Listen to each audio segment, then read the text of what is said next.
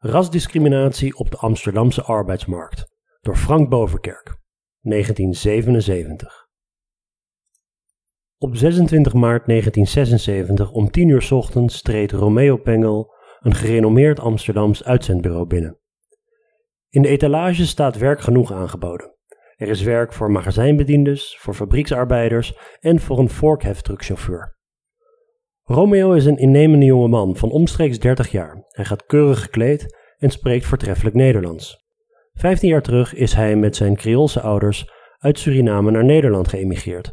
Op het ogenblik zit hij zonder werk. Heeft u werk voor mij? Een juffrouw achter de balie is zeer verdiept in een stapel paparassen. Ze kijkt vluchtig op en zegt: Nee. Vijf minuten later komt Piet Doesburg binnen. Ook hij is 30 jaar oud, gaat keurig gekleed en maakt een vriendelijke indruk. Doesburg is een geboren en getogen Amsterdammer. Heeft u werk voor mij? De juffrouw van Zonet ontpopt zich als een professionele hostess. Meneer, gaat u zitten. Wilt u een kopje koffie? Wat voor werk zoekt u? Doesburg antwoordt dat hij lang magazijnbediende is geweest, maar niet ongenegen te zijn ook ander werk aan te nemen. Dat komt mooi uit. Kan hij diezelfde middag nog beginnen? Sinds 1971 is in het Nederlandse Wetboek voor Strafrecht een artikel opgenomen. Dat behelst hij die in de uitvoering van zijn beroep of bedrijf, bij het aanbieden van goederen of diensten, dan wel bij gestand doen van een aanbod iemand wegens zijn ras achterstelt, wordt gestraft met hechtenis van ten hoogste een maand of geldboete van ten hoogste duizend gulden. Het is duidelijk dat het uitzendbureau de wet heeft overtreden. Wie zou daar echter achter komen? Hoe zou een willekeurige Surinamer kunnen weten dat waar hij afgewezen wordt, een autochtone Nederlander zonder meer wordt geaccepteerd? Hoe zou ook een willekeurige autochtone Nederlander kunnen weten dat het werk dat hem wordt aangeboden zojuist aan een Surinaamse landgenoot is geweigerd? En zou het hem kunnen schelen? Pengel en Doesburg kunnen het echter beide wel weten. Zij nemen deel aan een sociaal-wetenschappelijk experiment, waarbij geprobeerd wordt de mate waarin rasdiscriminatie in Nederland voorkomt nauwkeurig te meten. Ze spelen beiden een rol, hun namen zijn gefingeerd, ze hebben zich beide gekleed op aanwijzing van de onderzoeker en hun binnenkomst in het uitzendbureau is nauwkeurig ingestudeerd. Ze zijn beide gelijk in bijna alle opzichten, behalve het ras. Op zichzelf is de wetsovertreding die zojuist begaan is niet spectaculair. Iedereen in Nederland weet dat zulke dingen voorkomen.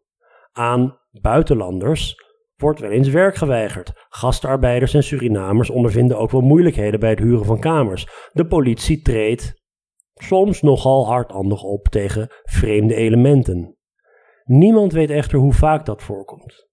Sommigen menen dat het gehele Nederlandse openbare leven van rasdiscriminatie doortrokken is. Rasvooroordeel zou overal latent aanwezig zijn en gekleurde immigranten zouden dagelijks met manifestaties daarvan te maken krijgen. Anderen menen dat rasdiscriminatie in Nederland niet voorkomt. Heeft het land niet een prachtige staat van dienst als het gaat om tolerantie tegenover Joden? Zijn de Indische Nederlanders niet binnen één generatie geassimileerd? Voor zover discriminatie wel eens voorkomt, betreft het individuele gevallen. Het verschijnsel heeft een incidenteel karakter en moet worden toegeschreven aan een kleine meerderheid van onverantwoorde en gefrustreerde personen. Welke van deze twee opvattingen is juist?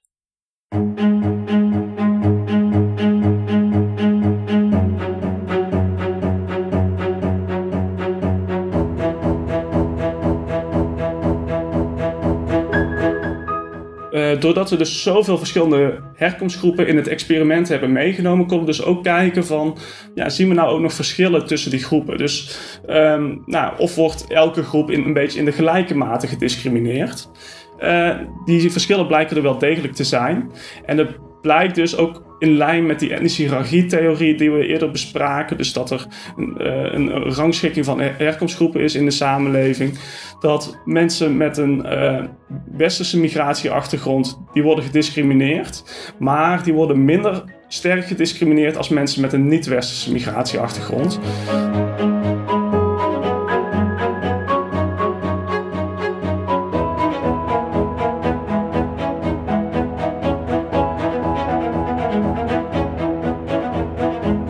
We vinden niet dat, uh, dat werkgevers hun ja, negatieve beelden updaten.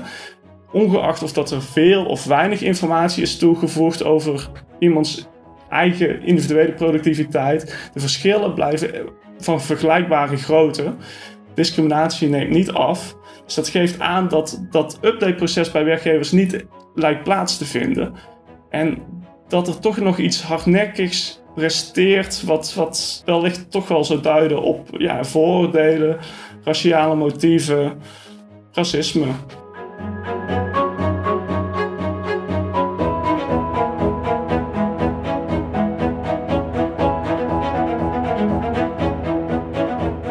Dag allemaal, welkom bij de Stuk Rood Vlees podcast. Mijn naam is Armin Hakverdian, ik ben politicoloog aan de UvA. Volg ons via Twitter, het Stuk Rood Vlees. U kunt mij volgen via het Hakverdian of neem een kijkje op www.stukroodvlees.nl. U kunt zich abonneren op deze podcast via uw favoriete podcast-app en laat dan ook meteen een rating of een review achter.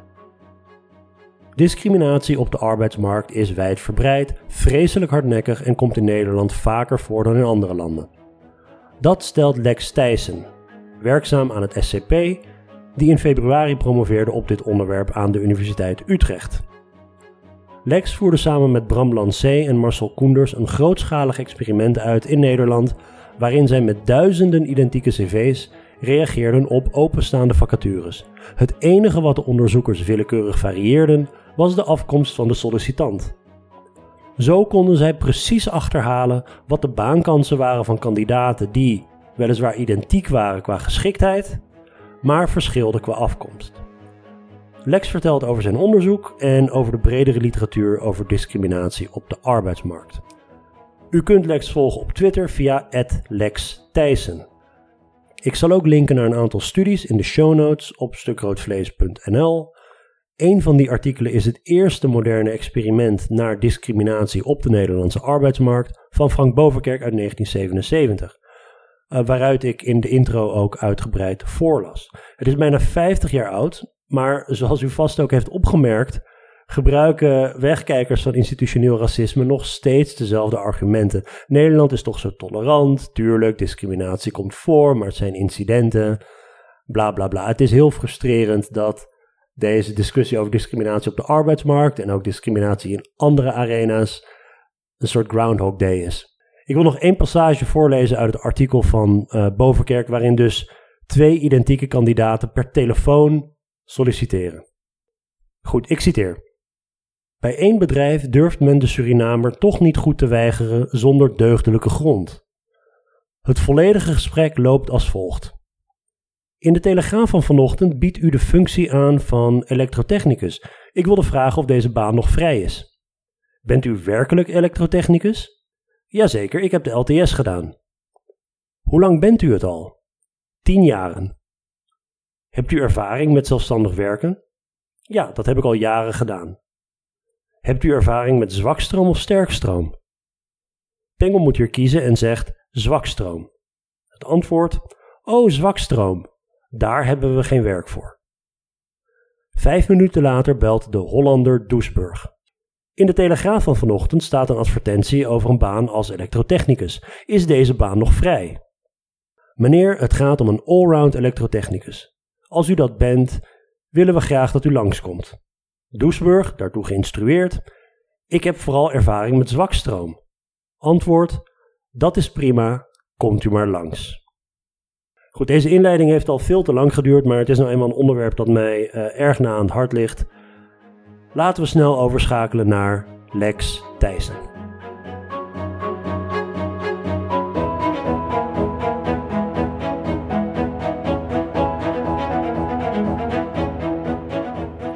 Lex, goedemiddag. Welkom bij de Stuk Rood Vlees podcast. Uh, ja, dankjewel dat ik hier mijn verhaal mag doen uh, over het stuk. Ja, dat is een beetje het, de, de, de, de, directe aanleiding. Je had een blog geschreven over discriminatie op de arbeidsmarkt. Dit is een tijdloos onderwerp. Het is wel de afgelopen weken uh, natuurlijk in de publieke aandacht komen te staan vanwege de antiracisme-protesten. Eerst in Amerika en toen ook in Nederland. In Nederland ging de discussie heel, ga, uh, heel snel over institutioneel racisme. De arbeidsmarkt was een van de arena's waar, uh, waar het debat heel erg over ging. Dus, dus in die zin um, een tijdloos onderwerp, maar tegelijkertijd ook nu weer bijzonder relevant. Laten we eerst even beginnen met jouw achtergrond. Wat is jouw vakgebied en, en wat doe je in het dagelijks leven? Ja, uh, nou, ik heb uh, uh, mijn bachelor en master heb ik in de sociologie behaald. precies te zijn bij de Radboud Universiteit in Nijmegen. En nadien heb ik ja, heel bewust gekozen voor een, voor een promotieplek binnen de sociologie. En om precies te zijn, ja, ben ik een, voel ik mezelf echt een ongelijkheidssocioloog. En een belangrijk aspect van ongelijkheid is in mijn ogen discriminatie. En uh, nou, discriminatie van etnische minderheden op de arbeidsmarkt is dan ook wel een, een heel belangrijk onderwerp, uh, zoals je ook al aangeeft hierbij. Dus ik was uh, heel blij dat ik daar nou ja, de kans voor kreeg om me daar vier jaar in te verdiepen. En uh, dat heeft uiteindelijk uh, ja, geresulteerd in een proefschrift, wat ik uh, in februari, februari, van dit jaar, net voor de corona-uitbraak, hmm. toestand nog heb kunnen nog wel in, in, publiek, in publiek kunnen doen, met, met mensen, menigte, ja, ja. commissie recht in de ogen kunnen aankijken. Ja, het was 28 februari en volgens mij ja, twee weken daarna ja. is het land op slot gegaan. Ja. En uh, sindsdien, dus, uh, dus na mijn uh, promotie, dat is ook wel goed om te zeggen, ben ik gaan werken bij het Sociaal en Cultureel Planbureau per 1 maart. En ik moet eerlijk, zeggen dat ik daar niet per se me richt op discriminatie, maar eerder op armoede en ongelijkheid. Hoewel ook daar natuurlijk discriminatie wel weer terugkomt. En nou, dat doe ik ook alweer enkele maanden met plezier. Op afstand? Op afstand, ja. Ja. ja. Goed. De arbeidsmarkt. Je hebt een, uh, een aantal stukken hierover geschreven waar ik naar zal linken in de show notes. En die ook in jouw blog op Stuk Rood Vlees worden aangehaald. Maar de arbeidsmarkt kent natuurlijk verschillende facetten. Je kunt het hebben over überhaupt het vinden van een baan. Je kunt het hebben over uh, salariering of doorgroeimogelijkheden en allerlei dingen. Je, uh, in dat stuk met um, Bram Lancé en um, Marcel Koenders beginnen jullie met een tabel met de werkloosheid. Dat is natuurlijk een van de belangrijkste arbeidsmarktuitkomsten, is of je überhaupt een baan kunt vinden of niet. En daar staat de werkloosheid naar leeftijdsgroep en migratieachtergrond gemeten in 2017. Dit zijn data van het CBS. En daar zien we bijvoorbeeld dat in de algemene groep de werkloosheid onder mensen zonder een migratieachtergrond, Nederlanders zonder migratieachtergrond, is 3,9 procent. Als je kijkt naar alleen de groep 15 tot 25 jaar, is dat 7,2% goed. Dat weten we al langer dat onder jongeren de werkloosheid hoger ligt. Nu hebben jullie daar ook de werkloosheidscijfers van mensen met een migratieachtergrond. En daar zie je meteen die werkloosheid omhoog gaan. Je ziet bij mensen met een westerse migratieachtergrond is de werkloosheid 5,7%. Ongeveer het dubbele onder jongeren van die groep. En vervolgens, als we kijken naar de niet-westerse migratieachtergrond, mensen met een Marokkaanse, Turkse, Surinaamse of Antilliaanse achtergrond, dan zitten we al gauw in de dubbele cijfers. Dus 11,3% onder Marokkaanse Nederlanders, 16% onder jongeren van die groep.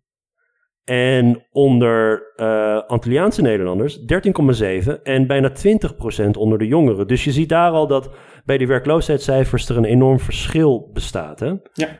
Maar in hoeverre kunnen we dat nou toewijzen aan discriminatie? Of met andere woorden, wat zijn de gangbare verklaringen als je wil kijken naar die algemene werkloosheidscijfers, waarvan denk ik discriminatie er, er dan één is, maar er zijn ongetwijfeld andere verklaringen ook. Ja, ja, zeker. En dat is ook wel wat uh, aanhaalt in, in zijn opiniestuk, is dat er natuurlijk ook andere verklaringen zijn. En uh, daarbij wordt eigenlijk nou, vaak een, een grof onderscheid gemaakt tussen de karakteristieken van uh, bijvoorbeeld uh, mensen met een migratieachtergrond. Uh, en ook de karakteristieken van de ontvangende samenleving. Nou, dat klinkt heel technisch. maar wat ervoor zou kunnen zorgen dat bijvoorbeeld bepaalde groepen een hogere werkloosheid kennen, is doordat zij nou, misschien gemiddeld genomen net wat lager zijn opgeleid. Misschien ook nog wat jonger zijn, dus dat mensen over het algemeen ook wat minder werkervaring hebben. Uh, het kan zo zijn dat mensen iets minder efficiënte sociale netwerken hebben.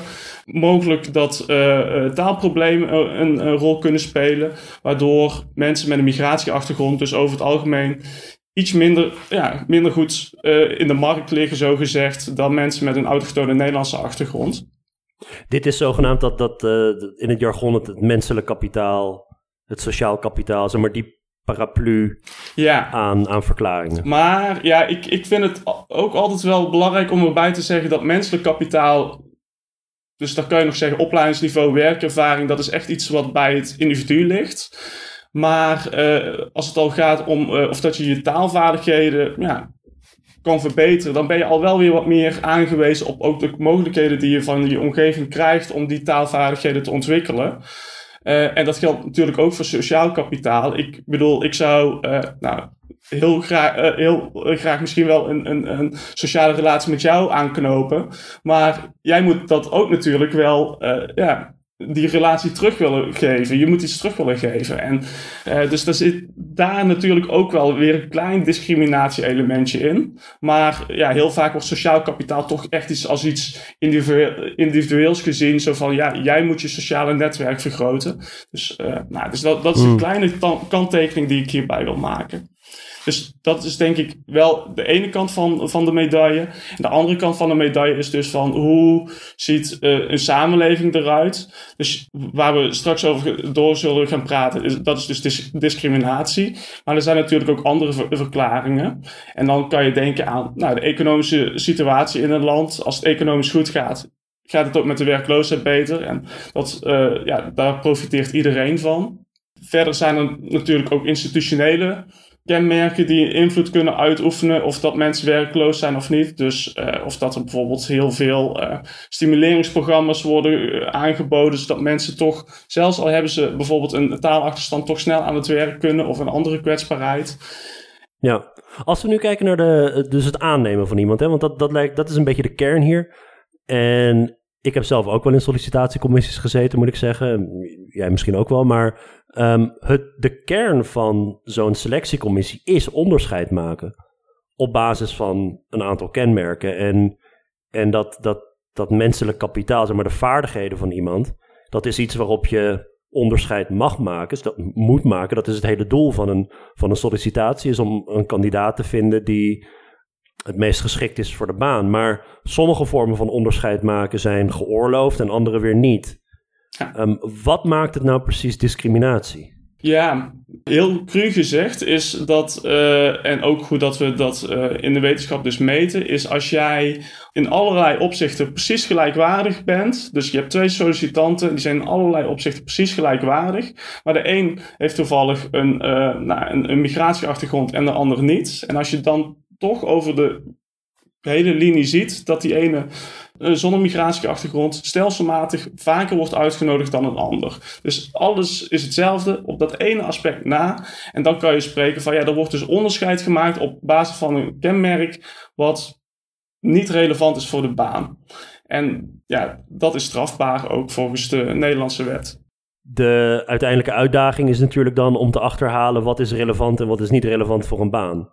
En dat is denk ik ook eh, als we straks over de, laten we zeggen, methodologische uitdagingen eh, gaan praten van dit onderzoek. Van als je nou twee kandidaten hebt die op een aantal kenmerken gelijk zijn, maar op hun migratieachtergrond niet, zijn ze op genoeg kenmerken gelijk? Of weet je, dat soort, dat soort dingen. Maar in de, in de kern genomen is er dus sprake van discriminatie als in gelijke gevallen er ongelijk wordt behandeld. En die gelijke gevallen, als het gaat om de arbeidsmarkt, zijn ehm, toch uiteindelijk de vaardigheden. Mhm. Misschien wel, goed, je kan het ook op allerlei andere aspecten kun je waarschijnlijk ook zo'n cv aandikken. Maar ehm, gelijke kandidaten, op de relevante kenmerken zijn ze gelijk, maar toch wordt er onderscheid gemaakt. En dat kan onderscheid zijn dan op basis van eh, etniciteit of geslacht of seksuele oriëntatie. Dus eigenlijk allemaal ongeoorloofd. En dan Ja. is het discriminatie. Ja. Hoe is de, de literatuur hierover eh, eigenlijk ontstaan? Eh, hoe ver terug in de tijd moeten we gaan om, laten we zeggen, eh, studies op de moderne leest geschoeid te vinden? Sinds wanneer weten we dat er, dat er discriminatie op de arbeidsmarkt bestaat? Er is natuurlijk al, al ja, eigenlijk vanaf de hele 20e eeuw is er onderzoek gedaan naar eh, ongelijkheden tussen etnische groepen eh, eh, op de arbeidsmarkt op allerlei indicatoren.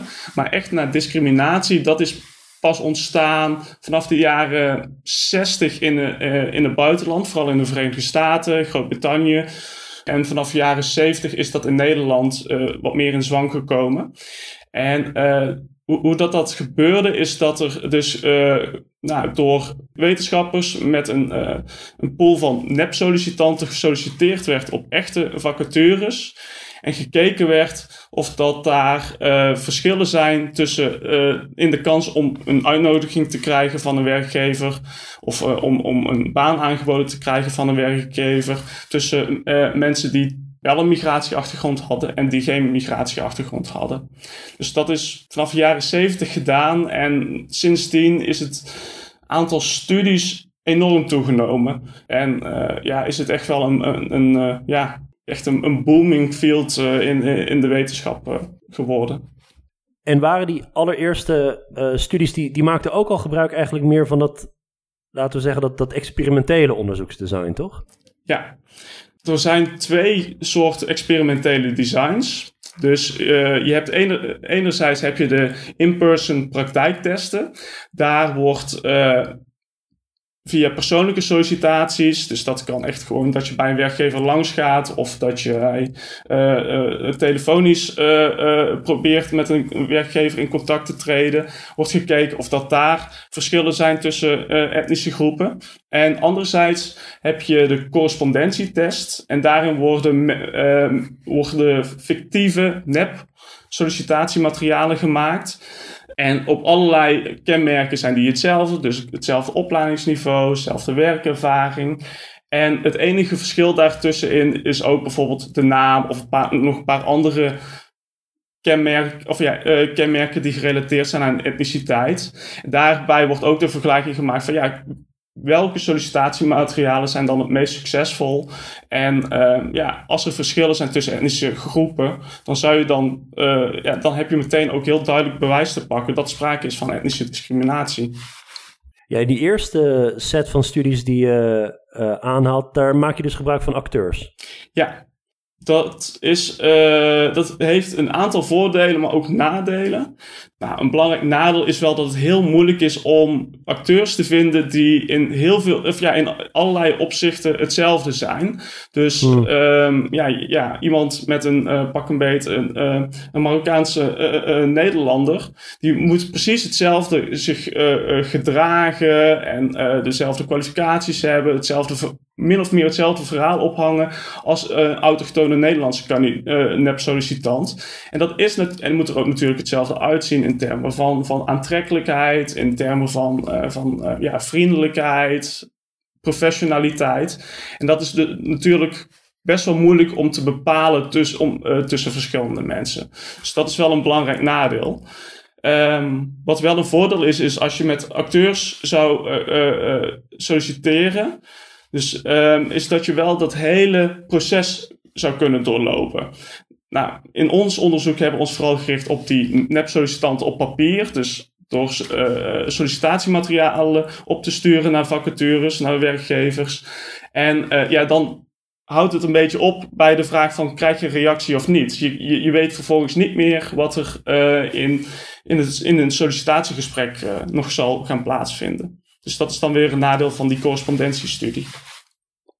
Ja, in beide gevallen probeer je eigenlijk zo goed mogelijk dat, dat discriminatiebeginsel eigenlijk van de grondwet van in gelijke gevallen uh, moet je gelijk behandeld worden. Dat probeer je eigenlijk uh, experimenteel vast te stellen. En daarom zijn die experimenten ook volgens mij zo nuttig, omdat jij als onderzoeker kunt zeggen, nou ja, hier is onderscheid gemaakt niet op basis van werkervaring of op basis van cv of op basis van opleidingsniveau, want die zijn gelijk gehouden. Die zijn gelijk, ja. Um, terwijl als je alleen maar zou kijken naar bijvoorbeeld die naakte cijfers die ik net voorlas uh, uit die tabel van dit is de werkloosheid en we zien onderscheid, dan zouden mensen nog kunnen zeggen, ja maar goed, er, er zijn ook verschillen in opleidingsniveau tussen deze twee groepen. Dus misschien is daar wel onderscheid op gemaakt. En, en met die experimenten kun je dat natuurlijk heel mooi um, neutraliseren. Ja. Waarom wordt er gediscrimineerd? Waarom wordt er gediscrimineerd? Ja, dat is nog steeds eigenlijk wel de grote black box eh, binnen dit type onderzoek. Maar er zijn natuurlijk wel ideeën over ontwikkeld. En uh, die ideeën die grijpen terug uh, tot ja, ja, zeker in de jaren 50. En vooral onder economen is daar een, een heel beroemd debat tussen enerzijds taste-based discrimination theories en statistische discriminatietheorie. Het onderscheid daartussen is dat deze-based discrimina discriminatietheorieën die gaan ervan uit dat werkgevers een bepaalde afkeer hebben ten aanzien van mensen met een migratieachtergrond of misschien juist een, ja, een hele duidelijke voorkeur voor een eigen etnische groep. En uh, daar ook bereid zijn om daarvoor een prijs te, uh, te, betalen. Namelijk dat zij dus niet altijd de beste sollicitant kiezen. Dus dat is één belangrijke theorie, die vervolgens ook nog wel door sociologen en sociaalpsychologen verder is ingekleurd. En anderzijds heb je uh, statistische discriminatietheorie. En dat gaat uit van, van het principe dat werkgevers wel degelijk economisch rationeel zijn maar simpelweg niet alle informatie hebben om nou echt goed, een goede beslissing te maken van wie er geschikt is of niet. Dus uh, daar, komt een hoop risico bij kijken. Dus uh, stel je even voor, je bent werkgever, je ziet twintig uh, verschillende cv's voor je liggen. Van hoe kan, en die cv's zijn natuurlijk heel, heel mooi opgemaakt. staan allerlei details op. Je moet daar in een soort van ja, in zien aan te brengen. Vaak ook in een gelimiteerde hoeveelheid tijd. Nou, hoe doe je dat? En volgens die statistische discriminatietheorie zou het dan economisch efficiënt kunnen zijn om op basis van een groepskenmerk een, een, een, een rangschikking te maken. En dan wordt er dus verondersteld dus dat er ook groepsverschillen zijn. En uh, dat die groepsverschillen dus ja, relevante inzichten kunnen geven voor een werkgever om dan die, die shifting te maken. Maar het is natuurlijk vanuit een puur economisch perspectief, als je werkgever bent, is het niet heel handig om gekwalificeerde kandidaten simpelweg vanwege een kleurtje af te wijzen. Het is eigenlijk gek dat, dat, dat uh, werkgevers dat zouden doen, maar dan zeg jij, dan zegt die taste-based discrimination theorieën van, nou ja, maar goed, er zijn ook immateriële, laten we zeggen, kosten en baten en je hebt liever iemand van je eigen etnische groep. Ja, ja, dus dat taste-based uh, discriminatie gaat eigenlijk meer uit van dat werkgevers dus ja, economisch irrationeel handelen. Daar, komt het simpelweg op neer. En uh, een socioloog en een sociaal psycholoog zal dan zeggen van ja, dat is vrij eenvoudig te verklaren, want nou, mensen delen de wereld in, in sociale categorieën. En uh, daardoor hebben zij, hebben zij een onbewuste bias ten aanzien van alles wat vreemd is. En hebben zij een voorkeur voor het bekende. En uh, nou, dat kan ook nog een beetje gevoed worden door allerlei groepsprocessen die meespelen. Uh, dus, of dat je dus veel conflicten hebt tussen etnische groepen. Dat kan ervoor zorgen dat jouw ja, innerlijke neiging om misschien je eigen groep te bevoordelen, dat die nog extra wordt versterkt. En uh, zo zou dus, uh, uh, dat, dat zou dus een verklaring kunnen zijn voor etnische discriminatie. Dit is de discussie rondom in-group, out-groups. Ja, ja. Maar als dat zo zou zijn, dan, dan zou je toch eigenlijk ook verwachten dat onder werkgevers, stel dat er ook onder werkgevers bijvoorbeeld verschillen zijn in etnische achtergrond. Dat je bijvoorbeeld bedrijven hebt waar een grote meerderheid misschien een Marokkaanse achtergrond heeft, of een Aziatische achtergrond, of uh, dat daar de kandidaten met de bijpassende, tussen aanhalingstekens, achtergrond voorrang krijgen. Omdat in zo'n situatie, als het, als het gaat om je eigen uh, groep uh, bevoordelen. Nu begrijp ik dat, dat de meeste werkgevers in Nederland hoogstwaarschijnlijk geen migratieachtergrond hebben. Maar, maar zie je dat soort spiegeleffecten dan ook bij werkgevers met een migratieachtergrond? Dat, dat die kandidaten zouden prefereren met een migratieachtergrond van hun eigen groep? Uh, ja, dat, dat, dat is een hele interessante vraag om te onderzoeken, maar helaas is daar uh, ja, niet echt informatie over. En ik denk dat het ook wel goed is om erbij te zeggen, is dat uh, ook de segmenten waar wij ons in ons onderzoek op hebben gericht, dat is toch wel, de, ja, toch wel het middensegment met ja, toch wel ja, middelgrote tot grote bedrijven. Daar, daar is ook al vaak sprake van, uh, van een, een team dat die recruteringsbeslissingen maakt. Dus of dat je dan ook helemaal zuiver dat, dat etniciteitseffect onder werkgevers zou kunnen onderzoeken, is. Ja, dat, dat, dat is nog maar, maar de vraag. is daar variatie in die teams van uh, sollicitatiecommissies? Want ik denk dat. Misschien kunnen we het aan het einde van het gesprek hebben over mogelijke maatregelen die je kunt nemen om discriminatie te, um, ja, te verkleinen.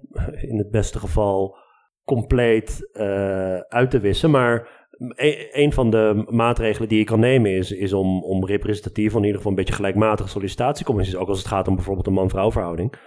Um, is daar variatie tussen die, die je kunt gebruiken in de analyses? Uh, niet die we kunnen gebruiken in de analyses. Er, er zullen echt uh, wel bedrijven zijn die, veel, uh, die een grote mate van diversiteit hebben. Maar er zijn ook bedrijven die homogeen wit zijn. Ik, ik, hoe dat precies zit en ook in onze data, dat, ja, dat, dat zou ik zo niet weten. Er is natuurlijk een, een, een bredere discussie ook over, nou, is het nou bijvoorbeeld alleen maar wij-zij? Of is die zijgroep ook nog eens een keer geschakeerd? Um, kun je daar iets meer over zeggen? Dat, dat, dat in sommige gevallen spreken auteurs ook van een, van een hiërarchie van uh, mensen met een migratieachtergrond. In, in, die, in die werkloosheidscijfers zag je dat ook al een klein beetje uh, naar voren komen. Maar wat wordt daar zo al over geschreven? Ja, uh, daar gaat een beetje in van vloeit discriminatie nou precies voort uit dat je je eigen groep alleen wil beschermen of ligt het nog ietsje genuanceerder? En uh, het idee daarbij is, en die uh, these wordt de etnische hiërarchietheorie genoemd, dat, uh, dat er een hiërarchie bestaat in de samenleving die ook ingeprent is in de hoofden van werkgevers. En uh, waarin groepen, als het ware, negatiever worden beoordeeld naarmate zij in sociaal-economisch of in cultureel opzicht verder afwijken van de dominante groep in de samenleving. Dus in Nederland de autochtone Nederlandse groep. En um, dat, dat zou dan verklaren waarom bijvoorbeeld uh, mensen met een westerse migratieachtergrond mogelijk dus sociaal-economisch of cultureel misschien dichter dat werkgevers die dichterbij voelen staan dan, dan uh, um, uh, Nederlands met een niet-westerse migratieachtergrond, die dan in, zo gezegd wat verder weg zouden staan. En dat is zowel op basis van, van culturele groepskenmerken als uh, sociaal-economische groepskenmerken. Maar hoe, hoe waak je er nou voor dat dat niet stereotypen zijn? Ja. Want er zullen, er zullen, er zullen uh, quote-unquote uh, objectieve verschillen zijn tussen sommige groepen als je kijkt naar een aantal overheidsstatistieken. Maar een hoop daarvan zijn ook, zijn ook stereotypen over, over, weet ik veel, over productieve uh, groepen of over, over, over luiere groepen of over uh, gewelddadige groepen of over, noem maar op. Dat, dat, dat, dat, zijn hele hardnekkige etnische stereotypen die dan, uh, die dan gebruikt worden als een soort van rechtvaardiging om sommige groepen wel of niet aan te nemen. Ja, ja, dus terugkomend op die statistische discriminatietheorie, die, die, die gaat eigenlijk een beetje uit van de assumptie van dat werkgevers die beelden hebben, die, die stereotypen, maar dat die stereotypen misschien ook wel een, een, een kern van waarheid zouden bevatten. Uh, wat ik wel theoretisch lastig vind erbij, en uh, laat me dit illustreren met een analogie met uh, genderdiscriminatie, is nou ja, bijvoorbeeld als jij een vacature wil invullen voor een magazijnwerker, nou dan, en, en er solliciteert een man en een vrouw, en het is een heel hoog magazijn, dan zou je kunnen zeggen van, nou ja, gegeven dat mannen langer zijn dan vrouwen, zou je dan uh, voor een man moeten kiezen. Maar zoals iedereen weet, is er nog wel een zekere overlap in, in, in de lengte van mensen. Dus er zijn ook een, enorm veel vrouwen die langer zijn dan een man en vice versa. Dus ondanks dat er een gemiddeld verschil is, is, is er nog een hoop overlap. En daarvan denk ik van ja, rechtvaardigt dan dat, dat verschil in gemiddelde nou die ongelijke behandeling die daaruit voortvloeit. Dus het projecteren van die groepskenmerken op, op individuen is uh, problematisch. Des, ja, goed, nou, des te meer als, als dus die uh, groepen niet homogeen zijn. En dat heb je denk ik heel gauw met uh, dit soort grote groepen. ook als je praat over de groep Marokkaanse Nederlanders, zit daar een enorme heterogeniteit binnen die groep. En dan is zo'n gemiddelde eigenlijk niet zo heel informatief. Nee, nee, ja. En je, je kan het ook nog weer verder trekken, hè? want uh, wederom terug bij die man-vrouw, uh, bij die man en vrouw die op uh, sollicitatiegesprek komen. Wat nou als ze nou ook op een cv hebben staan dat ze allebei al in het magazijn hebben gewerkt? Hmm. Dan zou je ook nog kunnen zeggen van, ja, ze hebben allebei ervaring, meerdere jaren, dus dat, in hoeverre is dan dat man-vrouw verschil nog relevant? Nou, terug, als we dan weer teruggaan naar, dat, naar die cv's en die veldexperimenten.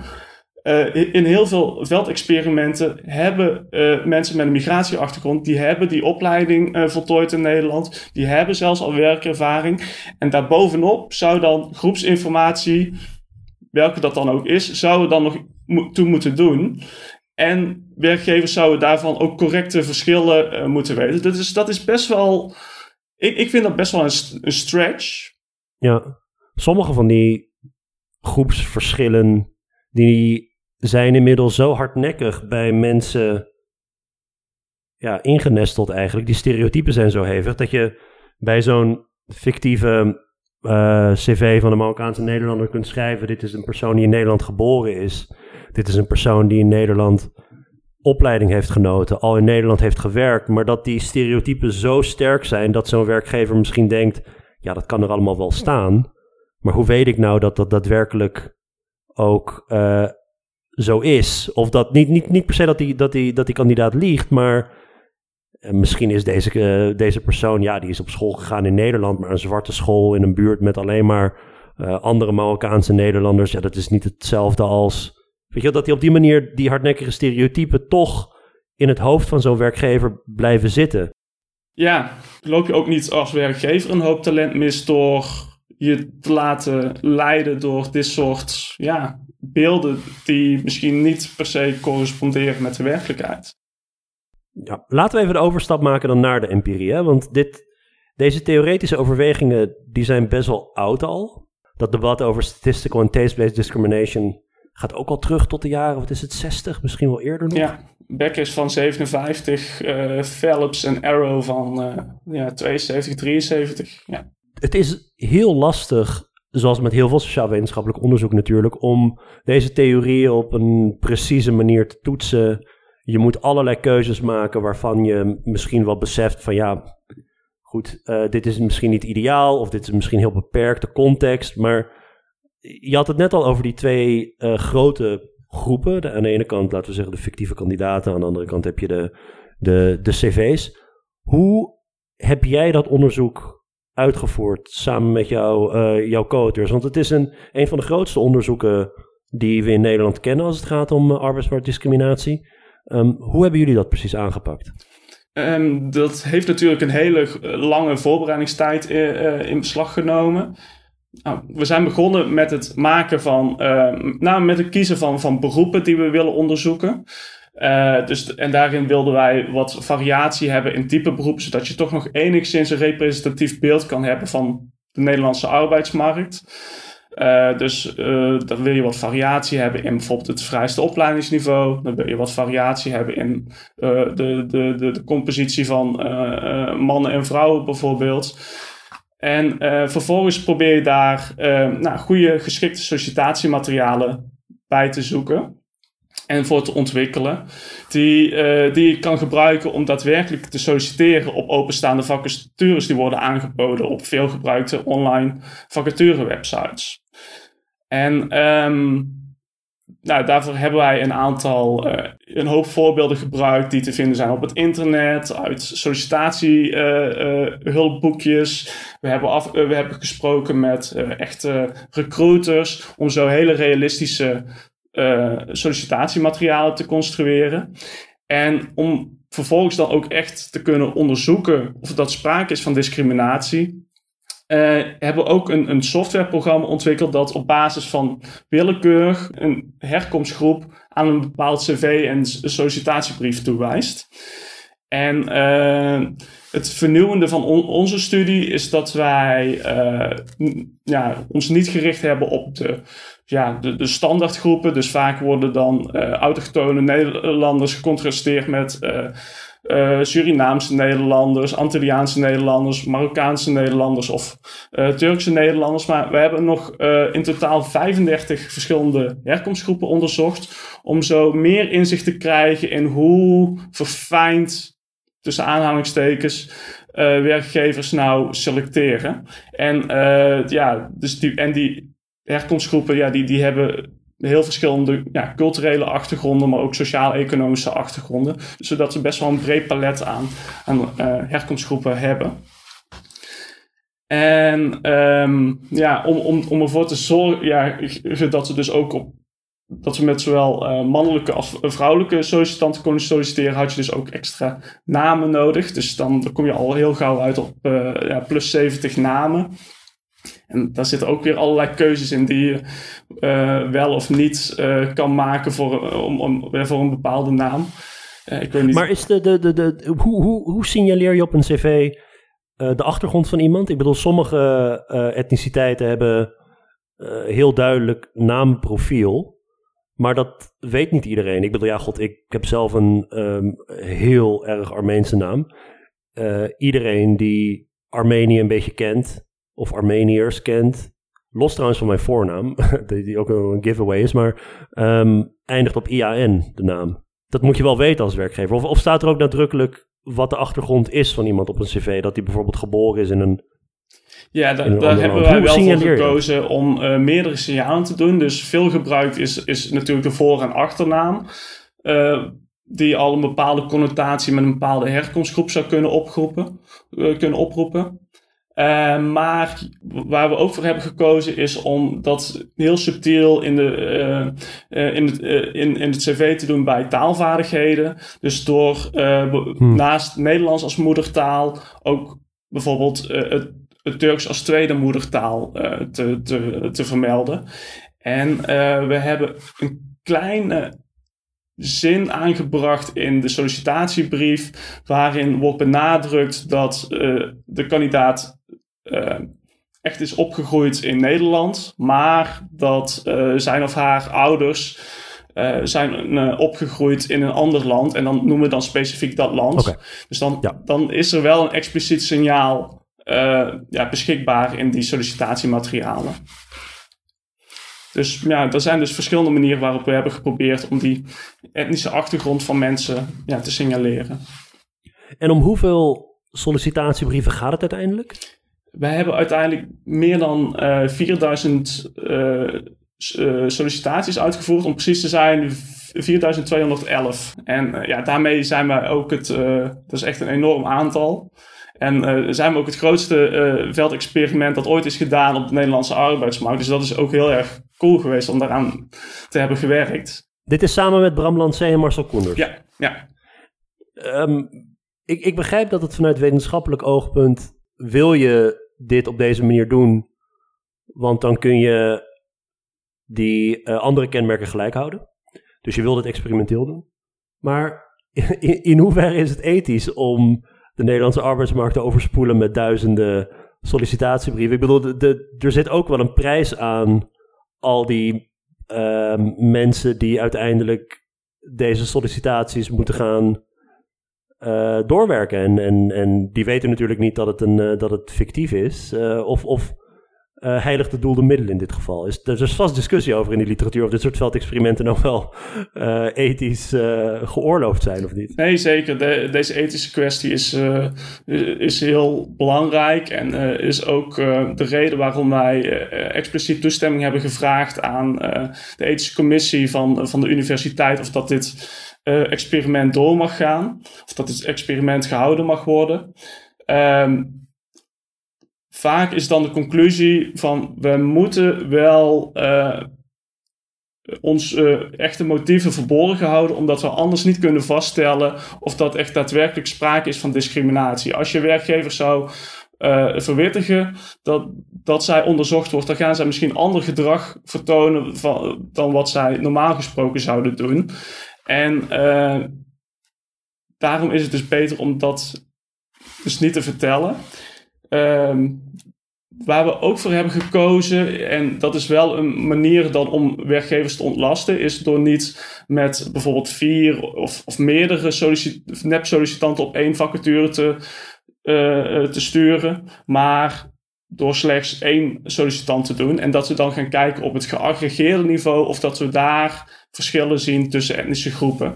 Dat zorgt ervoor dat een individuele werkgever geen grote hinder ondervindt door, al, door allerlei uh, nep-sollicitanten te moeten beoordelen. Maar wel dat je als je vervolgens wel op vergelijkbare uh, vacatures blijft solliciteren, dat je wel een, een, een, een, een goed inzicht krijgt in de patronen die er bestaan, de discriminatiepatronen die er bestaan op de Nederlandse arbeidsmarkt.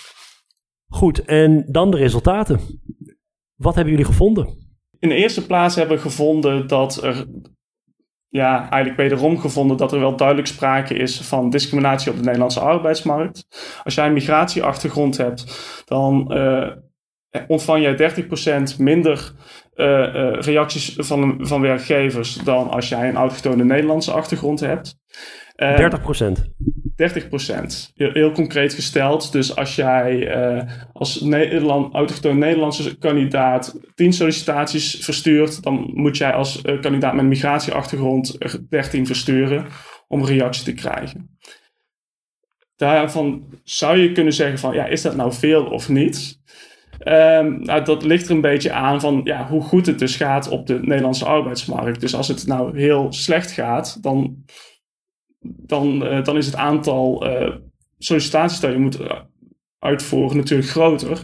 En dan kan het wel langer duren dat je werkloos bent. En nou, dat kan dus net het verschil zijn of dat je nog binnen de WW zit of niet. De context, zeg maar, de economische context van dit experiment, wanneer is dit, wanneer is dit gehouden? Wat was de economische situatie destijds? Uh, dat is in 2018, uh, ja, grotendeels. En dat was echt een periode waarin het heel goed ging met de economie.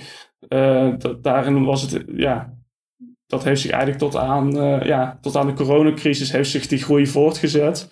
En uh, ja, in, in, zekere zin zou je nog kunnen zeggen van ja, dit, ja, het was een hele gunstige tijd om te solliciteren. Ja. Dus wat er na de coronacrisis zal gaan gebeuren, ja, dat is natuurlijk de vraag. Maar ja. Hoe verwacht je dat deze resultaten zouden zijn, bijvoorbeeld tijdens een, een historische recessie als de huidige? Dan, ja, nou, de relatieve verschillen zouden natuurlijk wel even groot kunnen zijn, maar um, misschien zelfs ook wel groter, omdat er in tijden van economische crisis misschien werkgevers ook iets meer geneigd zijn om te discrimineren, iets meer ruimte hebben om te discrimineren vanwege het grotere aanbod aan sollicitanten. Maar uh, ja, ik, ik kan me voorstellen dat het er wel voor zorgt dat uh, ja, heel veel werkenden met een migratieachtergrond daardoor wel echt langdurig werkloos zullen zijn. Dus dat heeft echt hele belangrijke gevolgen dan ook weer voor je inkomen, je gezondheid, uh, je gezinssituatie. Dus dat, ja, ja, die kunnen echt heel groot zijn. En deze getallen zijn redelijk vergelijkbaar met, uh, met eerder onderzoek. Hè? Het, is, het is eigenlijk frustrerend hoe structureel je steeds op hetzelfde getal uitkomt. Ja, dit, uh, dit percentage, dit relatieve verschil kwam ook naar voren in de studie van Bovenkerk uh, uit 1977. Um, ehm, dus dat geeft aan ja, dat er niet heel veel is veranderd. Um, dit zou je nog systematischer kunnen onderzoeken met een meta-analyse. Dat is in, voor de Nederlandse context nog niet gedaan. Maar je ziet ook wel in andere landen, zoals de Verenigde Staten en het Verenigd Koninkrijk, waar die meta-analyses wel zijn gedaan, dat het daar vrij uh, constant is gebleven in de mate waarin gediscrimineerd wordt door werkgevers. En ja, dat ja, verwacht ik eigenlijk uiteindelijk ook wel dat het beeld zou zijn uh, op de Nederlandse arbeidsmarkt. Dus, ja. Maar waarom is het zo stabiel? Want je zou kunnen zeggen, de afgelopen 40, 45 jaar, dat er toch wel, als het gaat om de houdingen van mensen, als het, het een en ander veranderd is. Tegelijkertijd, ik bedoel, je hebt genoeg mensen die wijzen op het structurele, institutionele karakter van dit soort discriminatie. Je kan de poppetjes wel vervangen, maar de structuren niet, en dan krijg je dezelfde resultaten.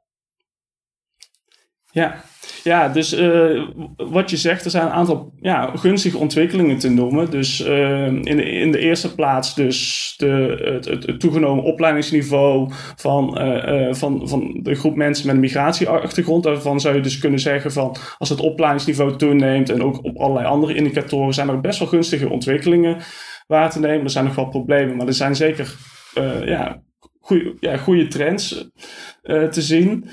Dat dat misschien ook tot een positiever beeld lijkt. Nou, we zien dat wel in uh, onderzoek naar de houdingen van, uh, van, van Nederlanders. Die zijn over het algemeen wel, lijken wel wat positiever te zijn geworden ten, ten aanzien van uh, men, mensen met een migratieachtergrond.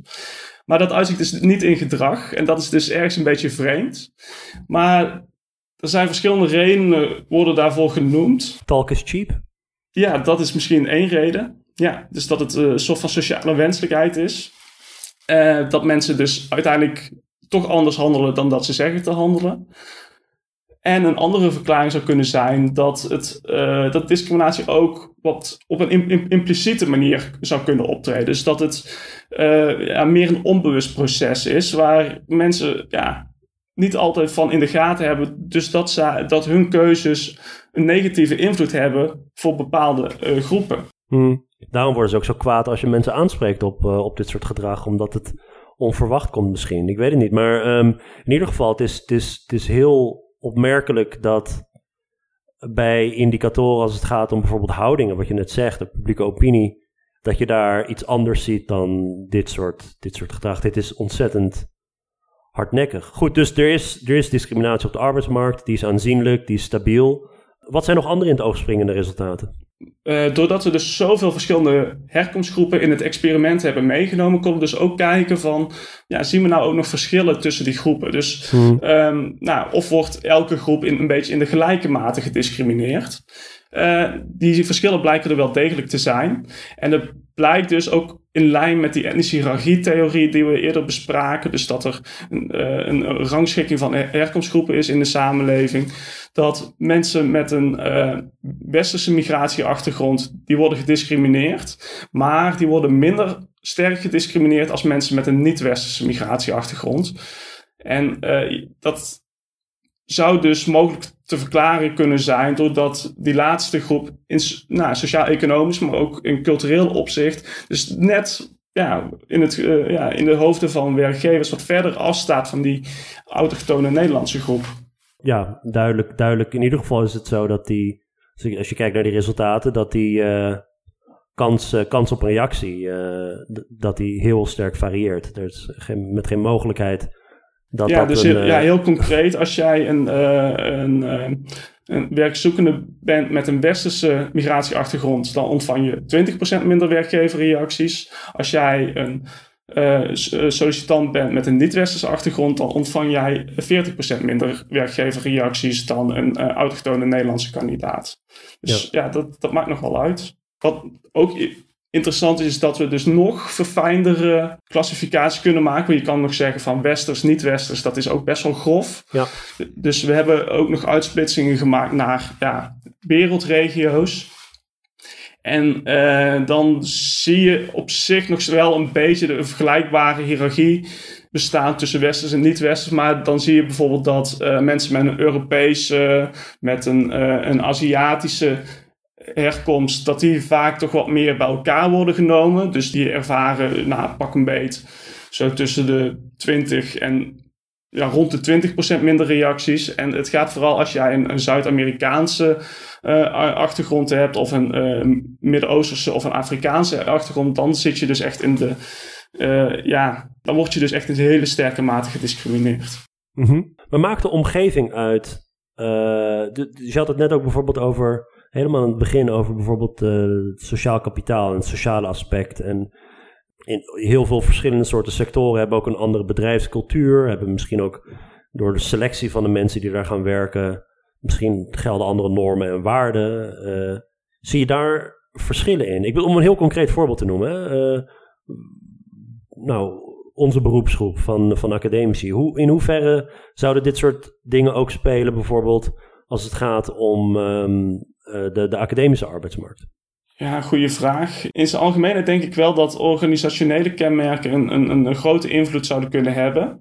Uh, ja, we hebben dat uh, in Nederland niet zo goed kunnen waarnemen. In het in, Engels onderzoek wordt er meer nadruk aan gegeven. Maar ik kan me heel goed voorstellen dat organisatiecultuur invloed heeft op de wijze waarop er geselecteerd wordt. En ik kan me ook voorstellen dat bijvoorbeeld uh, kleine bedrijven, uh, nou, die hebben vaak wat beperktere middelen om een, om een, om een, om, een goede werving- en selectieprocedure op, op te starten. En, en, en daardoor zouden misschien onbewuste biases of gewoon bewuste biases ook makkelijker doorheen, doorheen komen. Dus dat, dat is zeker een mogelijkheid. Misschien dat ook bij grote bedrijven al wat meer mensen met een migratieachtergrond werken. Dus dat daardoor ook al ja, dat, dat die hobbel alweer wat makkelijker uh, uh, ja, is overschreden. Ja. Maar dit blijven de, speculaties voorlopig. Dit is niet uit de data te halen op dit moment. Die werkgeverskant is, nog wel, ja, is ook nog wel echt een black box. Ook omdat werkgevers niet heel erg geneigd zijn om mee te doen aan uh, onderzoeken naar hun uh, ja, uh, expliciete of impliciete voordelen, risicotaxaties. En, ja, het is natuurlijk hele, ja, hele gevoelige materie. En, ja, potentieel strafbaar. Potentieel strafbaar. En ja, dat, nee, dat begrijp ik helemaal. Dat het, het is, daarom is het ook zo lastig te onderzoeken. Uh, en wat me ook opviel toen ik dat las, is dat er geen regioverschillen waren. Ja, nou, de, de, de hiërarchie lijkt relatief constant te zijn. Um, tussen regio's, maar dat hebben we wel op een hele grove manier gedaan. Dus we hebben gekeken of dat er verschillen zijn tussen provincies. Kan je afvragen van is dat het meest relevante uh, vergelijking? Waar de, je bedoelt de provincie waar het bedrijf zich bevindt? Ja, ja, correct. En we hebben ook gekeken of dat het nou uitmaakt of dat, er, uh, uh, of dat je in, in een van de grote vier stedelijke gebieden zit van Nederland, of, of daarbuiten, of dat je binnen binnen de grote 30 zit of daarbuiten. En dat lijkt voor die etnische hiërarchie lijkt dat niet echt uit te maken. Maar eh, ik heb in mijn proefschrift heb ik ook een paper gedaan waarin ik mij specifiek richtte op uh, mensen met een Marokkaanse herkomst. En dan, daar vind ik wel een relatie met, uh, met, met de grootte van de gemeenschap met ja, mensen met een Marokkaanse achtergrond. En dan lijkt het zo te zijn dus dat als het aantal uh, het relatieve aantal mensen met een Marokkaanse achtergrond toeneemt, dat daar ook meer, dan ook meer gediscrimineerd wordt ten aanzien van mensen met een Marokkaanse achtergrond. Dus dan zou de interpretatie daarvan kunnen zijn dat als die groep groter is, dat daardoor werkgevers meer dreiging ervaren, of in ieder geval hardnekkigere vooroordelen en stereotypen hebben. En daardoor ook minder geneigd zijn om dergelijke kandidaten uit te nodigen voor een sollicitatiegesprek. Dat is ergens wel paradoxaal, want, want als je het huidige publieke discours een beetje volgt, worden er allemaal van die grote uh, randstad ten opzichte van de rest, of stad ten opzichte van het platteland, of met, met, met allerlei ook, ook bijbehorende stereotypen. In de stad zou het allemaal zo liberaal zijn, op het platteland misschien niet, of vice versa. Nou, noem maar op. Maar hieruit meen ik te kunnen herleiden dat in de stad, waar toch over het algemeen gemiddeld genomen meer mensen met een migratieachtergrond zitten, en dat zal voor Marokkaanse Nederlanders niet anders zijn, dat juist daar de discriminatie het grootst is. De, de vraag is natuurlijk um, of het, de relatie zou uh, op een gegeven moment ook wat af kunnen vlakken. En de vraag is of dat wij net voldoende power hebben voor deze groep mensen om, om dat heel hmm. moeilijk in kaart te brengen. Dus het zou zo kunnen zijn dat, dat het wel weer in die echt grote steden, dat het dan wel weer kleiner wordt. Maar ja, daarvoor misten wij, uh, in, ieder geval in de paper in mijn proefschrift, misten we ja. Oké. Ik begrijp ook dat je daar dan niet al te stevige uitspraken over wilt doen hoor. Ik bedoel, sommige van die resultaten heb je nou eenmaal een, uh, een sterker onderzoeksdesign waarschijnlijk. En, en sta je zekerder in je uitspraken dan, dan andere aspecten. Ja, nou ja, in een, uh, ja, in een working paper ben ik wel bezig met de totale set van, van, van, uh, van herkomstgroepen. En uh, dan lijkt wel sprake te zijn dat discriminatie afneemt in die grootstedelijke gebieden. De, en dat lijkt vooral sprake te zijn bij uh, uh, groepen met een niet-westerse migratieachtergrond. En nog meer met name met groepen met een moslimachtergrond. Dus dan zie je dus, naarmate er een groter aandeel is met pakken bij mensen met een niet-westerse achtergrond, meer discriminatie. Maar in de allerhoogste regio, dan vlakt het echt duidelijk weer af. Hmm. Dus uh, dat, dat zou dan wel weer wat meer aansluiten bij uh, het punt dat jij maakt van ja, dat misschien in die echt grote steden, dat daar toch weer een, een soort van acceptatie van verschil uh, bestaat, die, die discriminatie zou kunnen reduceren. Maar ik moet wel zeggen, dit is nog ja, echt work in progress. Ik weet niet eens of dat het wel verstandig is om het in de uitzending. nou ja, ik denk dat het juist heel belangrijk is om, om, om mee te geven dat niet alle uh, wetenschappelijke studies die je doet leiden tot een, tot een eenduidig uh, antwoord. Dat is ook de reden waarom die meta-analyses zo belangrijk zijn, waar je het eerst over had. Um, misschien tot slot bij die resultaten, want, want een van de, denk ik, interessante aspecten van jullie veldexperiment was ook dat je dus informatie toevoegde aan de cv's. Wederom volledig willekeurig. Om te kijken of dus die werkgevers meer of minder discrimineren op basis van die meer persoonlijke informatie over de kandidaat. Nog los van hun vaardigheden. Kun, kun je daar iets meer over zeggen, wat de resultaten daaruit zijn? Ja, dus dat was wat meer geïnspireerd op die statistische discriminatietheorie, uh, die ervan uitgaat van als er sprake is van incomplete informatie, dan gaan werkgevers meer gebruik maken van die groepsbeelden, van die groeps, groepskenmerken. En uh, dus door extra informatie toe te voegen, dan zou dat wat onzekerheid bij, bij voornamelijk die mensen, uh, die werkzoekenden met een migratieachtergrond, over hun kwaliteiten, over hun vaardigheden, over hun kennis, zou dat, ja, zou dat die zorgen bij werkgevers moeten, uh, moeten afnemen. En um, dat is eigenlijk niet wat we terugvinden. Dus we, zinnen, we vinden niet dat, uh, dat werkgevers hun, hun, hun ja, negatieve beelden updaten. Ongeacht of dat er veel of weinig informatie is toegevoegd over iemands eigen individuele productiviteit. De verschillen blijven van vergelijkbare grootte. Discriminatie neemt niet af. Dus dat geeft aan dat dat updateproces bij werkgevers niet lijkt plaats te vinden. En dat er toch nog iets hardnekkigs presteert, wat, wat wellicht toch wel zou duiden op ja, vooroordelen, raciale motieven, racisme. Ja.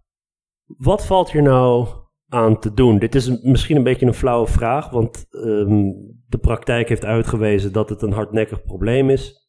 Maar beleidsinterventies zouden eventueel wat kunnen uithalen. Want je ziet natuurlijk wel verschillen tussen landen. Uh, iets wat je ook in je blog aanhaalt. Hè? Dus misschien is het zo dat, dat in andere landen uh, er maatregelen worden genomen waardoor die discriminatie kleiner wordt. Maar, maar wat, wat, hoe zie jij dat voor je? Wat voor soort beleidsinterventies zou je aan kunnen denken als het gaat om het verminderen van discriminatie op de arbeidsmarkt? Ja, ik, ik denk dat je eigenlijk ja, min of meer drie pijlers hebt waar je op kan richten. Dus je hebt uh, wortel- en stokbenaderingen. Nou, je wortel zou kunnen zijn dat je werkgevers verleidt om, om toch positievere beelden te ontwikkelen over mensen met een migratieachtergrond. Door bijvoorbeeld ook de, uh, de voordelen van diversiteit voor uh, bedrijven te benadrukken. Dus dan is het idee van als jij meer diverse perspectieven binnen je bedrijf hebt, dat is goed voor je bedrijf, want dat leidt tot betere ideeën. En uh, het zorgt er ook voor dus dat je bedrijf economisch sterker wordt. Dus dat zou wat meer een wortel zijn. Een stok zou kunnen zijn om ja, strenger te straffen op overtredingen van de discriminatiewet. Uh, en dat kan je op verschillende manieren doen. Je kan uh, bijvoorbeeld als overheid ook van dit soort veldexperimenten gaan opzetten om te kijken van zijn er nou bedrijven die systematisch discrimineren? Dus dat zou je op nou, bedrijfsniveau kunnen doen, zou je ook op uh, sectorniveau kunnen doen. En dan uh, ja, bedrijven of sectoren kunnen bestraffen als blijkt dat daar over lange termijn systematisch mensen worden benadeeld. Dus dat zou wat meer dus de stok um, kunnen zijn. Mag dat? Het is een beetje uitlokken van discriminatie je, je, ziet natuurlijk ook wel op, uh, nou, in totaal andere domeinen uh, om uh, te kijken of dat winkeliers zich houden aan de drankwetgeving. Worden soms ook lokdieners gebruikt om te kijken of dat, of dat winkeliers daar hmm. of, of winkeliers de wet overtreden. Maar je, je zou natuurlijk ook, ook, op een andere manier die, die stok kunnen hanteren. Dus door nou, strenger of ja, hogere boetes op discriminatie te, te zetten. Um, waar ze bij uh, eh, nu mee bezig zijn, is een wetsvoorstel wat uh, bedrijven of organisaties, iets breder misschien, verplicht om echt actief beleid te gaan formuleren om uh, discriminatie tegen te gaan. En als je dan niet dat beleid formuleert, dat je dan in principe al ja, de verdenking tegen je hebt. Dus dat, dat zijn, dus, er zijn wel wat initiatieven om dat ja, om op, op andere manieren toch die, die stok te kunnen hanteren. En een laatste manier om uh, discriminatie te bestrijden is door in te grijpen in de manier waarop het wervings- en selectieproces eruit ziet. Uh, dat zou je kunnen doen door te verbieden bepaalde informatie op je cv te zetten. Dus dat je nou, bijvoorbeeld geen, niet je voor- en achternaam op je cv zet, maar dat het echt alleen maar gaat over je kwalificaties, over je eerdere werkervaring. een andere manier zou, zoals bijvoorbeeld wat meer in Duitsland gebeurt daar, is toch de informele norm dat je heel veel extra informatie over jezelf toevoegt. Dus ook je schooldiploma's, referentiebrieven van eerdere werkgevers, nog wat langere sollicitatiematerialen, waardoor je ja, misschien mensen wat meer als individu ziet. Ik weet niet of dat, dat ja, heel erg werkt, maar dat zou ook een uh, manier kunnen zijn. Ook wordt wel uh, vaak gesproken dat in Duitse organisaties er een hele sterke bureaucratie is achter werving en selectie, die er ook voor zou kunnen zorgen dat biases er wat minder snel insluipen. Dus dat, dan, dan zou je het, ja, hoe dat het recruteringsproces precies uit, zou je dan wat kunnen verwijderen en proberen die, ja, die automatische categorisatie in groepen en de gevolgen die eraan hangen, die zou je daarmee kunnen verminderen. Lex, heel erg bedankt voor je, voor je tijd en voor je uitleg. Nou, graag gedaan. Als mensen jou willen volgen, kan dat via sociale media? Ja, ik, uh, nou, natuurlijk via LinkedIn, maar ook via Twitter, waar ik uh, nou, regelmatig wel wat post. Goed, u bedankt voor het luisteren en tot de volgende keer. Thank you.